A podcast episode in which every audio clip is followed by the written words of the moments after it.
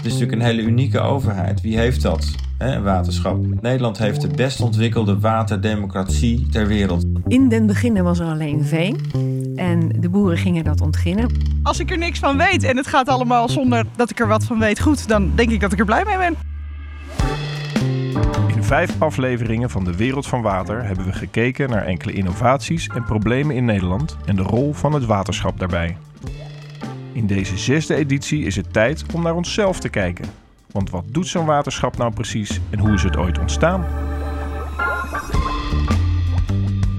We betalen er ieder jaar weer belastingen voor en eens in de vier jaar mogen we stemmen. Maar waar stemmen we eigenlijk voor en waar wordt ons belastinggeld voor gebruikt? We duiken in het verleden, we springen in het diepe van de toekomst, maar we beginnen eerst in het heden.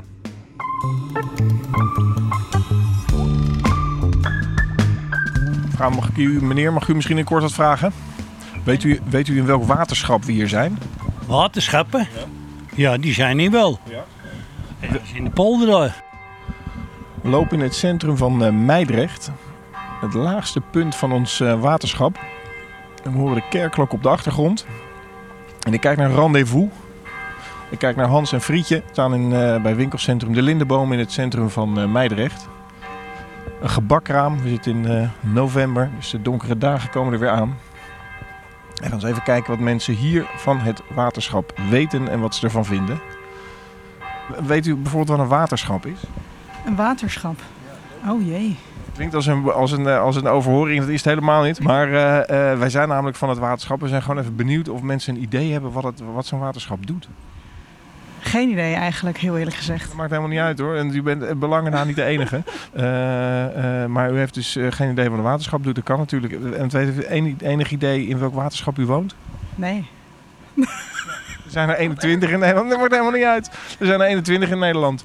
Ehm, ja, ik kan nog allemaal andere vragen stellen of u blij bent met een waterschap. Maar het zegt ik natuurlijk helemaal het niet weten. Ik denk het wel.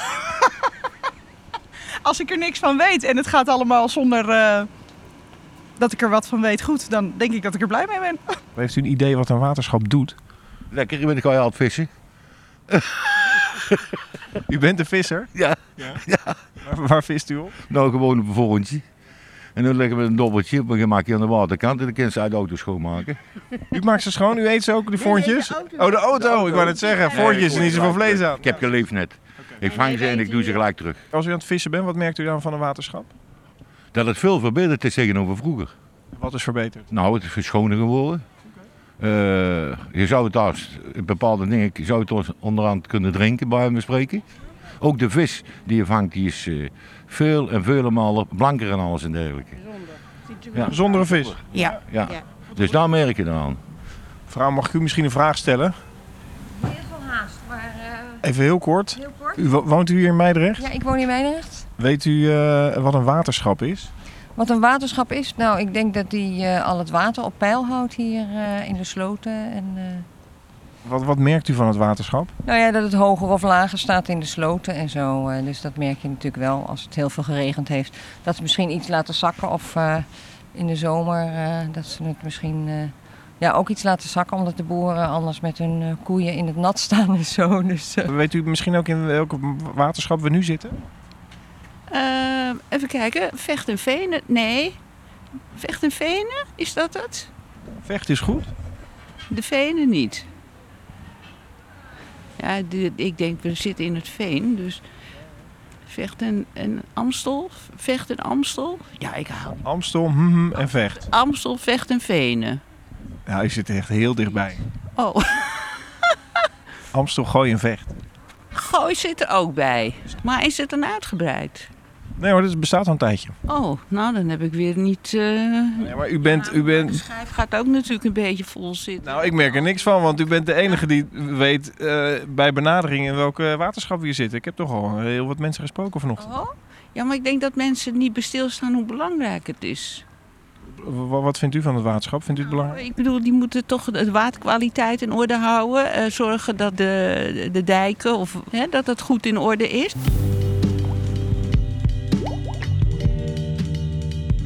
Na een ochtend in Meidrecht is me duidelijk geworden dat niet iedereen van de hoed en de rand weet. Dus gaan we naar een plek die in de geschiedenis van waterschap Amstel Gooi en Vecht een belangrijke rol heeft gespeeld. We gaan naar het gemeenlandshuis aan de Diemerzeedijk in Amsterdam, gebouwd begin 18e eeuw.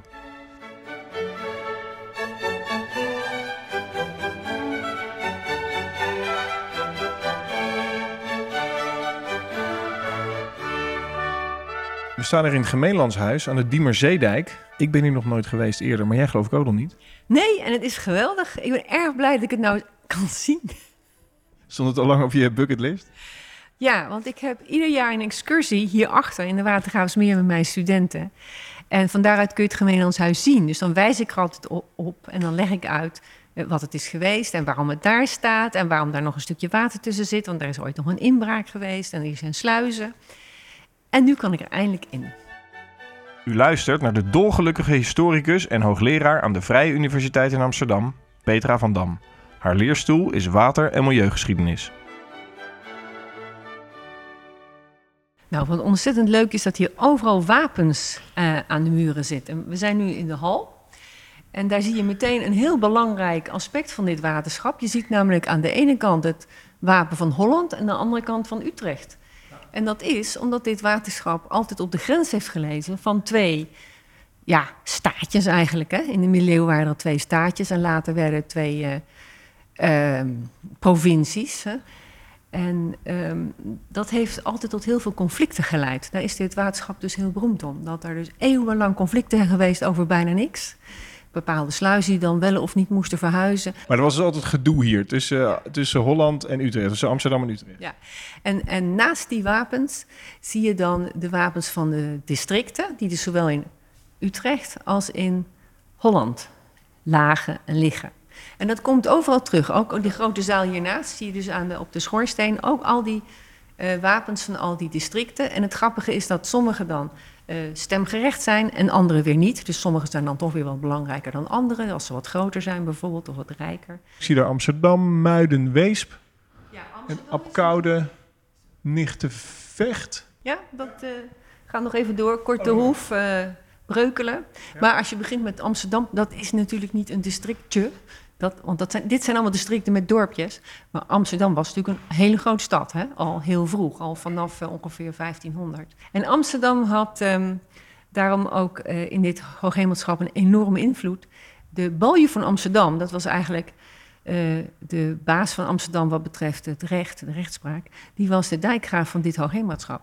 Daardoor had dus Amsterdam eigenlijk op een heel eh, handige manier meteen heel veel invloed in Amsterdam. En Amsterdam was eigenlijk het land rondom Amsterdam, dus een heel groot gebied rondom Amsterdam. Op een smalle dijk staat het gemeenlandshuis tussen twee wateren, het IJmeer en het Nieuwe Diep, dat grenst aan het Amsterdam-Rijnkanaal. De Diemerzeedijk is in de loop van de eeuwen een aantal keer doorgebroken, maar nu ligt het water er gelukkig rustig bij. Binnen kijken we onze ogen uit. We zien schitterende tegelwerken en ornamenten aan het plafond. Het lijkt wel alsof we rechtstreeks de wereld van de adel zijn binnengestapt. Petra wil graag aan de hand van een technische tekening uitleggen waarom juist hier dit gemeenlandshuis is gebouwd. Het Ja, dat is hem. Nou kunnen we even op die, op die eh, tekeningen gaan kijken of je daar iets ziet. Want dat zijn namelijk technische tekeningen van de, van de bouw van de dijk. Dan moeten we even kijken van wanneer dat is. Maar er staan nu stoelen voor, die moeten we er even afhalen. We gaan echt op onderzoek. Het lijkt wel een. eh, Ah, oké, ik zie het. Ja, nou, we nemen even afscheid en dan gaan we daarna weer opnemen. We gaan even de stoelen eraf halen. Na wat sjouwwerk heeft Petra goed zicht op de tekening en kan het college beginnen. Deze heet geconcipieerde stenen muur om gemaakt te worden aan de Zeeburg en Diemerdijk ter weerzijde van de Diemer, Dammer en Iepersloter sluizen. Kijk, en die sluizen die verbonden dus de Watergraafsmeer, oftewel Diepe Meer, wat vroeger dus echt een meer was voordat het ingepolderd werd, en het hele land erachter. Dat was dus, de Iepersloten waren de belangrijkste uitwateringspunt van Amsterdam. En daarom is dus dit huis ontstaan. Bij, bij de voornaamste sluizen van een waterschap komt een soort van voorraadschuur waar de dijkmaterialen bewaard worden. Dus stukken hout om de sluizen, deuren te repareren en spijkers en, eh, en, eh, schroevendraaiers. Nou ja, en allerlei grote gereedschappen die je daarvoor nodig hebt. En eh, bij die sluizen moeten ook jaarlijks grote inspecties plaatsvinden. Dus die hoogheemraden en die dijkgraven, allemaal chique, adellijke lieden, die moeten daar naartoe komen. En die kun je natuurlijk niet zomaar in een schuur onderbrengen. Dus die moeten een op stand een onderkomen hebben. En zo zijn die gemeenlandshuizen eigenlijk ook half hotels geworden. Want als ze, dan als ze daar dan toch waren, Dan vergaderden ze daar meteen de hele dag en hielden ze een rechtszitting. Maar ja, ze konden vanavond niet naar huis. Dus daarom waren in die gemeenlandshuizen meestal ook hotelkamers. En omdat ze dus van hoge stand waren, moest dat ook op stand zijn. Dus zo'n gemeenlandshuis eh, moest ook gedecoreerd zijn zoals hun eigen huizen gedecoreerd waren. Ja, dus met allemaal prachtige houtsnijwerk, wapens van hunzelf. Aan alle kanten symboliek van, van de aanwezigheid van die Horeemraden in dat huis. Dit was dus de manier waarop het waterschap bestuurd werd in de 18e eeuw. Maar de oorsprong om samen te werken in het beheer van water ligt al veel eerder. In den beginnen was er alleen veen. En de boeren gingen dat ontginnen, moeten we denken vanaf ongeveer 800 na Christus. En die vormden allemaal een soort kleine poldergemeenschapjes, die dus samen het water uh, afvoerden naar de rivieren en de meren en zee. En vanaf de 12e, 13e eeuw moesten die kleine waterschapjes gaan samenwerken. Want als ieder waterschapje zomaar zijn water naar buiten gooit, dan wordt het water in de kanaal zo hoog dat het bij een ander waterschapje weer naar binnen stroomt. Dus om dat te voorkomen zijn er regionale waterschappen opgericht en die noemen we nu hoogheemraadschappen. En die hebben dus het beheer over alle regionale werken, werken van groter belang. Dat zijn dus uh, kanalen, rivieren, meren en de daarbij behorende dijken natuurlijk. Hè, ook de dijken voor uh, de bescherming tegen de zee, want het ei was toen nog deel van de Zuiderzee en de Zuiderzee was deel van de Noordzee. Dus het was hier dagelijks eb en vloed. Je moet je voorstellen, het water ging hier gewoon dagelijks een paar meter op en neer. En als er stormvloed was op de Zuiderzee, dan kon de dijk hier ook doorbreken. En dat is ook heel wat keren gebeurd, omdat vlak hierbij hele grote uitwateringssluizen lagen. En dan braken gewoon die sluizen door, want het was allemaal van hout. Maar nu even weer terug naar het begin. Ja, die moesten dus gaan samenwerken vanaf de 12e eeuw. Ja, en daarom zijn dus die regionale waterschappen opgericht. Amsterdam is opgericht in 1525 en Diemerzeedijk in 1437. En op een gegeven moment zijn die gefuseerd. En in de 20e eeuw zijn er nog een heleboel uh, andere fusies geweest. Zodat uiteindelijk in 1997 uh, het waterschap Amstel-Gooi-Vext ontstond. Dat is nu dus best wel groot. Dat is de stad Amsterdam, zo'n beetje tot aan de stad Utrecht. Maar vroeger was het bijna per polder dus een apart waterschap. Begrijp ik dat goed? Ja, wij noemen ze waterschapjes. Maar ze worden natuurlijk ook vaak polders genoemd. het komt eigenlijk op hetzelfde neer. Uh, er zijn verschillende termen. Net zo goed als je hebt het woord regionale waterschappen en hoogmaatschappen. Dat is eigenlijk ook hetzelfde. Die namen veranderen in de loop der eeuwen. Vroeger stonden waterschappen onder leiding van een dijkgraaf, net als nu. Het verschil is dat de dijkgraaf toen werd aangesteld door de graaf en hij maakte niet alleen de regels, maar was ook rechter. Alleen mensen die land bezaten hadden een stem, het gewone volk had niks te zeggen. Die situatie veranderde pas diep in de 20e eeuw. Nou, toen uh, ik jong was, ik ben een beetje ouder dan jij, ik studeerde in Leiden. En als je dan in het water viel, dan moest je echt meteen naar het ziekenhuis. Want het water was pikzwart. En dat was eigenlijk al zo sinds de industriële revolutie. Dus vanaf ongeveer 1850 raakte het uh, water in Nederland heel ernstig vervuild. En uh, in de binnensteden ook gewoon door de rioleringen, die allemaal uitkwamen op het oppervlaktewater. In 1970 is daarvoor een hele belangrijke uh, wet gekomen, de Wet Verontreiniging Oppervlaktewateren. In die wet werd geregeld dat het reinigen van rioolwater in de handen kwam van de waterschappen. Een extra taak dus voor het waterschap en een taak waar iedereen van profiteert. En waar dus ook iedereen aan mee moet betalen via de waterschapsbelasting. En het bijzondere is dat daardoor dus de huishoudens die voordien helemaal geen belasting betaalden aan de waterschappen, erbij zijn gekomen. En daarmee kregen ze ook stemrecht. Dus daar, daardoor ontstond er ook een enorme institutionele verandering in die waterschappen. En er kwamen miljoenen kiezers bij. Wat, wat betekende dat dan voor de waterschappen? Ja, dat er dus hele andere belangen in het waterschap kwamen. Mensen die helemaal geen agrarische belangen hadden. Aanvankelijk waren die waterschappen eigenlijk vooral voor de boeren. Maar eigenlijk een soort uitvoerend orgaan voor de boeren... die ervoor moesten zorgen dat het waterpeil precies goed was... zodat de boeren hun landbouw konden bedrijven en hun veeteelt. En nu, um, een grootste, het grootste gedeelte van hun inkomsten komt dus uit die uh, zuiveringsactiviteiten. Dus ja, dan zeggen mensen, nou ja, als wij zoveel betalen, dan willen wij natuurlijk ook inspraak. Terug naar Meidrecht, het diepste punt van ons waterschap. Op sommige plekken wel 6 meter onder NAP. Ook nog eens, de laatste vraag hoor. Zijn er ook eens zoveel tijd nog verkiezingen? Is dat nog iets waar u zich mee bezighoudt? Heeft u bijvoorbeeld de laatste keer uh, uh, een stem uitgebracht? De raadsverkiezingen of zo? Nee, voor de waterschapsverkiezingen. Oh, voor de waterschapsverkiezingen. Weet ik niet eens. Gaat het niet in het algemeen dan gewoon... eh, Drie jaar geleden hebben ze dus gehad. Oh, nou dat zal best wel, denk ik, dat ik gestemd... Ja, als er iets te stemmen valt, stem ik wel. Dus dat zal wel gebeurd zijn. Ja, dat doe ik altijd, maar het zegt me niet zoveel. Want, het is, eh, want ik snap niet eh, dat daar ook de politieke partijen weer bij betrokken zijn. Terwijl het gaat om mensen die er verstand van hebben. En, en dat is veel belangrijker. Heeft u misschien een beeld of u wel eens eh, ge- gestemd? Nooit voor gestemd. Nee, omdat ik helemaal. Ik, ken die mensen niet. Ik weet niet eh, wat ze allemaal precies doen. Dus ik denk, nou, daar moeten de geleerden zelf maar over beslissen. Ik denk dat het weinig nut heeft om daar elke burger voor te vragen. Maar goed. Dan Dank u gaan ze, gaan ze op de foto's af. Weet je. Oh, die heeft wel een leuk gezicht. Laten we die maar doen. Tot slot, gaat u ook stemmen? Dat mag één keer per vier jaar, hè? Op de, op de waterschap ook, waterschapsverkiezingen. Oh nee, nee, Gewoon nee. alleen voor de politieke Nee, partijen. politiek wel. Maar die is ook politiek, hè? Ja, eigenlijk wel, ja. Maar misschien wel dat ik het thuis krijg, misschien wel dat ik het een keer doe. Maar ik, je hebt kans dat wij in, in Spanje zitten en ik moet gaan stemmen. Kunt u de buren machtigen? Ja, dat zou kunnen. Maar u heeft vorige keer dan wel gestemd, als ik u zo een beetje inschat. Ja, maar ja, dan stem ik wel op iemand die het gebied kent. Maar of hij er dan ook eh, echt voor gaat, je weet niet of die eh, persoon zeg maar eh, genoeg overtuigingskracht heeft om jouw belangen te verdedigen. Wat het belang dan ook is. Vindt u dat politici wat meer met hun, eh, met hun mensen in gesprek moeten gaan daarover? Ja, dat vind ik wel. En wij starten dit gesprek bij de dijkgraaf Gerhard van den Top. Dag Gerhard, goedemorgen. Goedemorgen. Gerhard is sinds 2014 dijkgraaf van waterschap Amstelgooi en Vecht. Maar wat doet een dijkgraaf eigenlijk precies?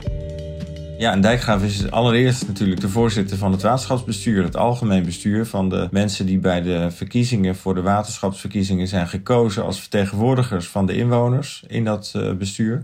En die daar dus ook bepalen hoe hoog de belasting wordt, de waterschapsbelasting, en wat wij er allemaal mee wel en niet mogen doen. En een dijkgraaf is ook de voorzitter van het dagelijks bestuur van het waterschap. Je zou het kunnen vergelijken met het college van burgemeester en wethouders in een gemeente. Die eigenlijk dagelijks toezien op het uitvoeren van al die besluiten van het algemeen bestuur en dat ook voorbereiden. En mijn derde rol als dijkgraaf is ook dat ik zeg maar de crisisbeheersing voor de organisatie eh, doe en voorzit. En daar ook eigen verantwoordelijkheden in draag als eh, orgaan. Het heeft een zelfstandige rol, een dijkgraaf in de crisisbeheersing in het geval van een crisis rond de watertaken. Oftewel, hij is voorzitter van het algemene bestuur, een soort burgemeester voor het dagelijks bestuur en hij staat aan het roer bij een watercrisis. En daarbij is Gerhard de perfecte persoon om de vraag te stellen waarom het waterschap een aparte overheidslaag is. Ja, die vraag naar die aparte overheid die wordt nooit aan de gemeente gesteld en ook nooit aan een provincie. En het gekke is dat die voor de waterschap eigenlijk altijd de eerste vraag is die je moet beantwoorden. En dat begrijp ik ook wel.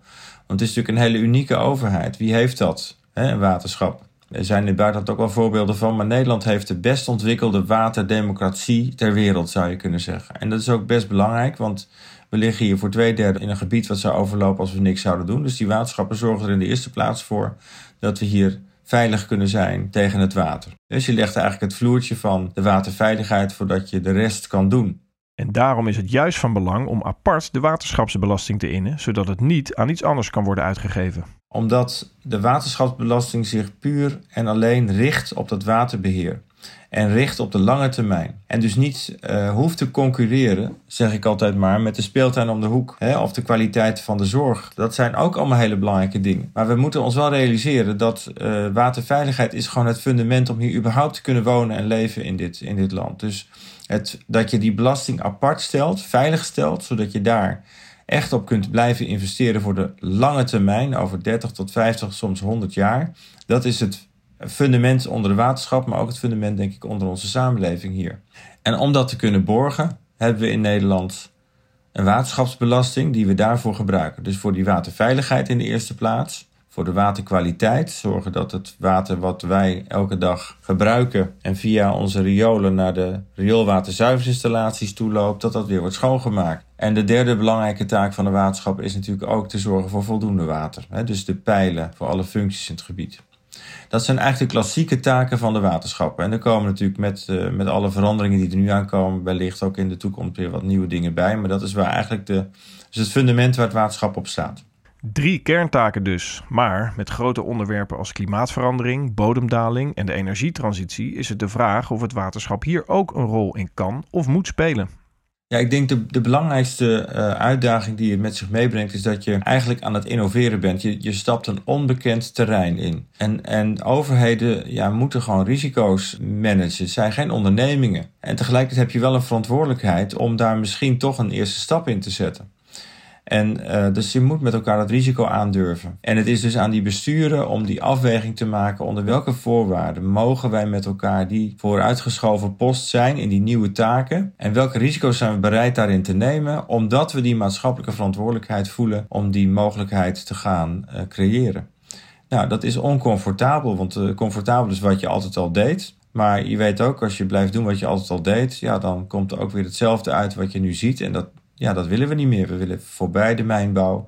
We willen naar een energietransitie toe. We willen beter ruimtelijk ordenen. Dat betekent dat we een paar dingen anders moeten gaan doen dan we zo lang al deden.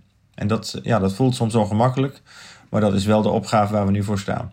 Dat ongemak zorgt ook voor nieuwe kansen voor de profilering van het waterschap. En tegelijkertijd zullen we ook daarin met elkaar kunnen laten zien dat we ook dichter bij mensen komen. We kunnen voor energie gaan zorgen. We kunnen zorgen dat hun uh, omgeving groener wordt en aangenamer wordt dan die nu is. Maar je moet je wel steeds afvragen. Ik heb een belastingssysteem wat heft voor bepaalde taken. En uh, je zult je dus ook moeten vergewissen van de vraag hoeveel van die middelen je daarvoor mag gebruiken voor die nieuwe taken. En dat is, uh, ik geef maar aan, dat is niet vanzelfsprekend. Je kunt ook gaan samenwerken met anderen die dat al doen. En het is niet vanzelfsprekend dat al die opgaven ook echt onze opgaven zijn. Maar het feit dat we de verantwoordelijkheid voelen en het erover willen hebben, dat vind ik heel belangrijk. Dan mogen we eens in de vier jaar stemmen voor het waterschap. Hoe kunnen die dilemma's die je net schetste onderdeel worden van het, uh, van het debat rond die verkiezingen? Die waterschapsverkiezingen die we elke vier jaar houden, die zijn nog relatief onbekend. We zijn pas sinds 1998 zijn we bezig met de verkiezingen vanuit, zal maar zeggen, de bekende politieke partijen en de waterschapspartijen. En uh, het beeld bij veel mensen is nog van ja, maar waar moet ik nou voor stemmen? Heb je dan linkse dijken, heb je rechtse dijken? Waar gaat die verkiezing eigenlijk over? En het is dus echt aan de politieke partijen om die verschillen die ik elke twee weken à drie weken zie in onze raadzaal, om die juist ook naar hun eigen achterban te gaan vertellen. En ze te vragen, waar ga je nou zelf, wat vind jij belangrijk? He, vind jij dat die waterschappen die nieuwe taken moeten aanpakken? Vind je dat het wat mag kosten of niet? Vind je dat duurzaamheid net zo belangrijk is als efficiëntie? Of kijk je daar anders naar? Ja, dat zijn de vragen waar denk ik de politieke partijen met elkaar de komende tijd het debat over moeten aangaan. Het lijkt me heel mooi om te zien dat daar uiteindelijk een nieuwe koers uitkomt waar de partijen samen zich achter kunnen scharen. Dat lijkt me ook, Gerard. Ik kijk er naar uit. Dankjewel. Graag gedaan. Ik hoop dat veel mensen er wat aan zullen hebben straks bij uh, onze verkiezingen. En ook bij het kijken naar wat het waterschap allemaal uh, te bieden heeft. Is niet alleen oudste overheid, maar misschien ook wel meest relevante overheid voor de toekomst van ons mooie land. Je luisterde naar de zesde aflevering van De Wereld van Water. Wil je meer weten over wat een waterschap allemaal doet? Op agv.nl zie je hoe we onze kerntaken en onze nieuwe taken uitvoeren. Of je kan de vorige afleveringen van deze podcast terugluisteren natuurlijk. De Wereld van Water is een podcast van Waterschap Amstel Gooi Vecht. Mijn naam is Bart Krul, presentatie en redactie. Lodewijk Blijerveld, redactie. Bram van Dijk, techniek en montage. Pieter van Vliet, muziek en eindmix. En Daan van Schijndel, artwork. Mevrouw, heeft u tijd voor drie vraagjes? Nee, oké, okay, geen probleem. Mag je wat vragen misschien? Nee, oké. Okay. Oh, de kunst van een blauwtje lopen, hè? dan moet je gewoon incasseren. Goeiedag, mag ik misschien wat vragen of niet? Nee, oké. Okay. Ja, nee, uh, dat begrijp ik. Kent u het begrip podcast? Dat is een radioprogramma waar dan, nou, we maken een podcast over uh, water. Luistert u wel eens naar podcasts? Ja. Oh, nou dan kan ik de wereld van water aanbevelen. De wereld van water. Ja, dat is deze podcast. Oh, wat leuk. Nou, dan ga ik dat. De wereld van water. Nou, ik zal het uh, opslaan. Op de harde schijf? Op de harde schijf.